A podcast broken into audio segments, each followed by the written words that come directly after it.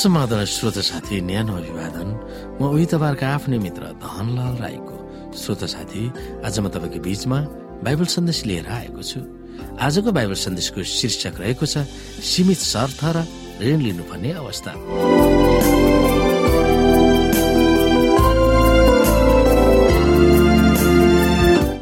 श्रोत साथी हामी आजको यो सीमित शर्त र ऋण लिनुपर्ने अवस्थाको विषयमा बाइबलमा केही कुराहरू हेर्छौँ जहाँ व्यवस्था पन्ध्र अध्यायलाई हामी हेरौँ। व्यवस्था पन्ध्र अध्यायको एकदेखि छलाई हामी हेर्न सक्छौँ। आफ्ना जनहरूबाट परमेश्वरले के अपेक्षा गर्नुभएको छ? सो ती पदहरूमा यसरी उल्लेख गरिएको छ। हेर्न सक्छौँ। हामी हेरौँ। प्रत्येक सात वर्षको अन्तमा कर्जा माफीको समय राख्नुपर्छ।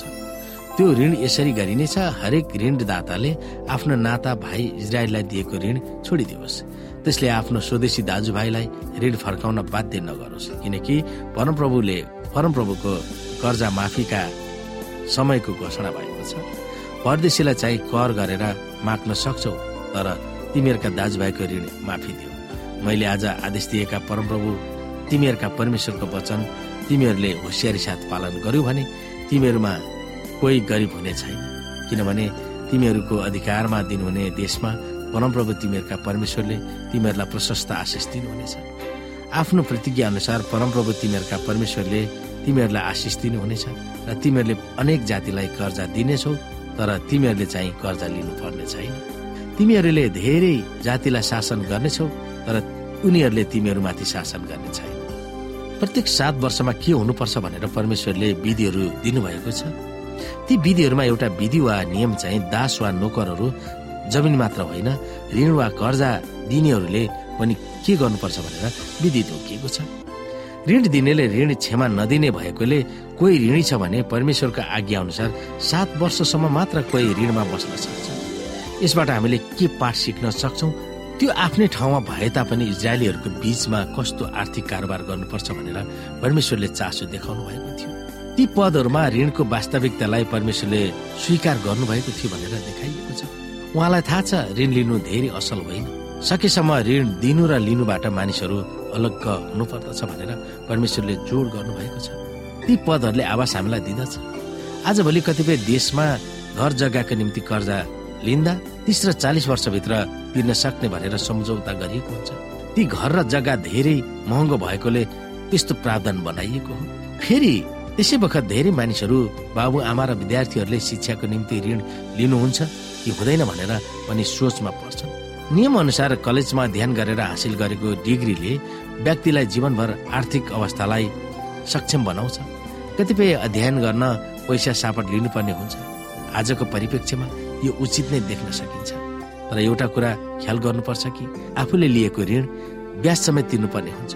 सकेसम्म छात्रवृत्ति र अध्ययन गर्न दिइने चन्दाहरूको प्रयोग गर्न खोज्नुपर्छ। त्यो प्राप्त गर्न योग्य पनि हुनुपर्दछ स्कुलमा पढ्न सकेसम्म काम गरेर पैसा जम्मा गर्न प्रयास गर्नुपर्छ। यस्तो विषयवस्तु अध्ययन गर्नुपर्छ जसले काम दिलाउँछ। त्यसको निम्ति बाबुआमाको सहायता माग्नुपर्छ।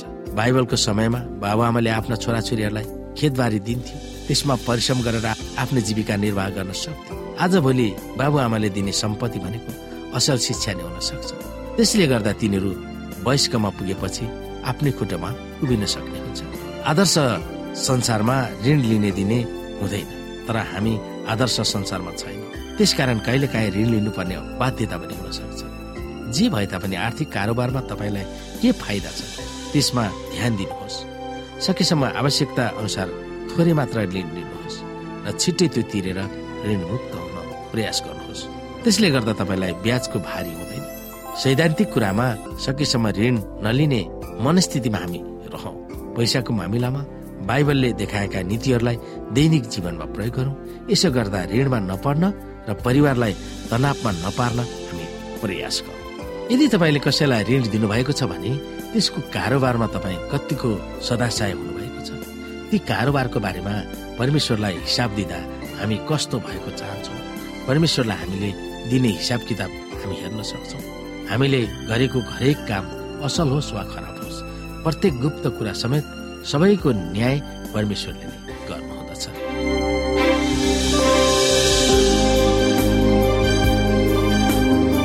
श्रोत साथी आजको लागि बाइबल सन्देश यति नै।